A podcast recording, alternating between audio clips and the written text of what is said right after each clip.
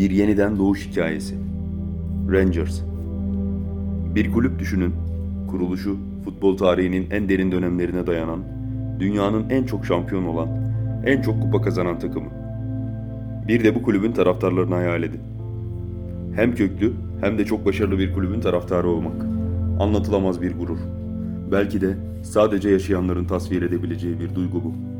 Diğerleri için ise sadece bir hayal. Peki nasıl oldu da başkaları için hayal olan bir gerçeği en derin duygularıyla yaşayan taraftarlar kendilerini hiç tahmin etmedikleri bir kabusun içinde buldular? Glasgow Rangers, futbolun doğduğu topraklarda 1872 yılında kurulan İskoç devi 2010-2011 sezonunun ardından 54 lig şampiyonluğu ile dünyanın en çok şampiyon olan takımı unvanına sahipti. Aynı zamanda en çok kupa kazanan takım olmaları da sürpriz değildi. Ancak bu başarıların elbette bir karşılığı vardı. 1988 yılında kulübü satın alan David Murray ile başlayan ve gelecek dönemlerdeki yöneticilerin de izlemiş olduğu harcama politikaları her ne kadar sportif başarıyı getirse de maddi anlamda kulübü zor duruma sokmuştu. 2012 yılına gelindiğinde 35 milyon sterlinlik vergi kaçırdığı gerekçesiyle kesilen 14 milyon sterlinlik ceza ile birlikte 49 milyon sterlin vergi borcu olan kulüp 2000 yılından beri eksi veren bütçesi nedeniyle de yaklaşık 135 milyon sterlinlik borç batağının içinde bulmuştu kendini. İskoçya Kulüpler Birliği tarafından yapılan oylamada ezeli rakibi Celtic'in ligde kalması yönünde oy kullanmasına rağmen 25'e 5 oyla küme düşmesi kararlaştırılmıştı Glasgow Rangers'ın. Taraftarlar kabusu yaşadıklarını ve bundan kötüsünün olamayacağını düşünürken gelişmeler onlara yanıldıklarını gösteriyordu. İsim değişikliğine giderek Rangers Football Club adıyla İskoçya Championship Ligi'nde mücadele etme talebi reddedilen köklü kulübün bir alt ligi olan İskoçya 1. Ligi'ne katılma talebi de Kulüpler Birliği tarafından reddedilmişti. Rangers en dipten başlamak zorundaydı. Seviyesini 4. lig olarak ifade etmemiz gereken İskoçya 2. Ligi. Kuruluşunun 140. yılında kulüp tarihinin en zor dönemiyle karşı karşıya kalmıştı. Premier Lig'e dönmeleri için en iyi ihtimalle 3 sezon alt liglerde mücadele etmeleri gerekiyordu. Birçok oyuncuyla yollar ayrılırken taraftarların en büyük tesellisi efsanevi golcü ve dönemin teknik patronu Eli McCaustin kulübünü bu zor durumda terk etmemesi ve mücadele etmeyi seçmesi olmuştu. 2012-2013 sezonuna girilirken Rangers kadrosunun temelini kulübün öz kaynağından yetişen isimler oluşturuyordu.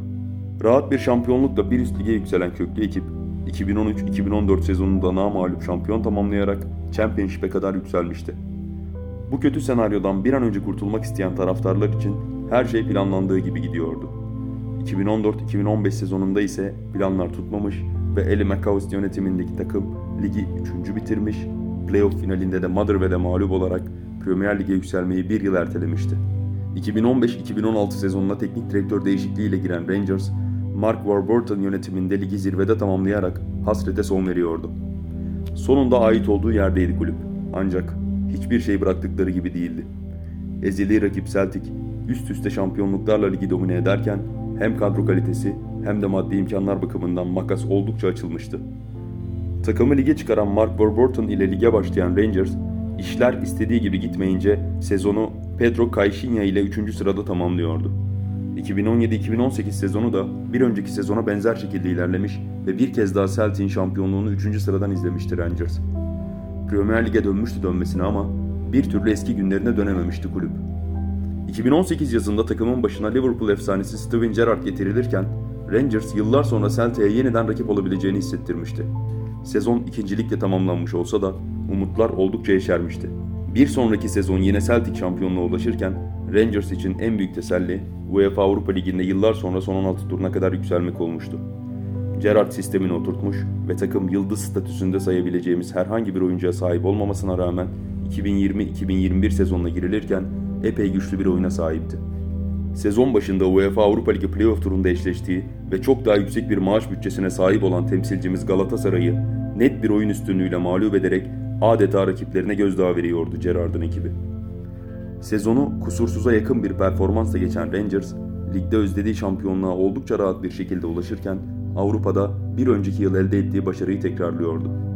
Yeni sezona istediği başlangıcı yapamayan İskoç devi, çok özlediği Şampiyonlar Ligi'ne 3. ön eleme turunda Malmö karşısında aldığı iki mağlubiyetle veda ederken, ligde uzun süre sonra aldığı mağlubiyetle bir hafta içerisinde üçüncü kez sahadan yenik ayrılıyordu.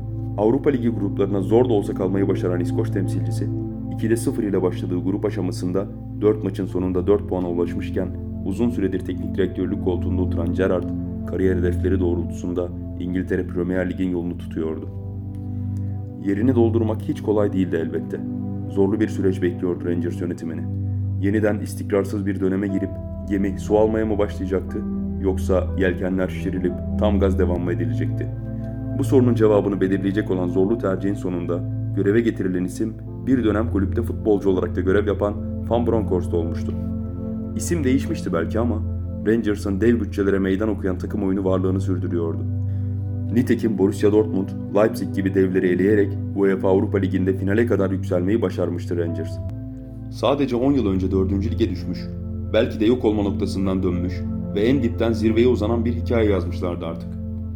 Finali kaybedeceklerdi belki ama ne fark eder ki? Rangers tarihte eşine az rastlanır bir hikaye yazmıştı.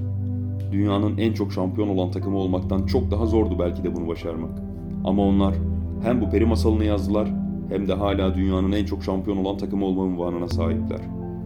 İyi ki onlar kulüplerin vergi borçlarının kolayca silinebildiği bir ülkede bulunmuyorlardı. Yoksa böylesine unutulmaz bir hikayeyi nasıl yazabilirlerdi ki?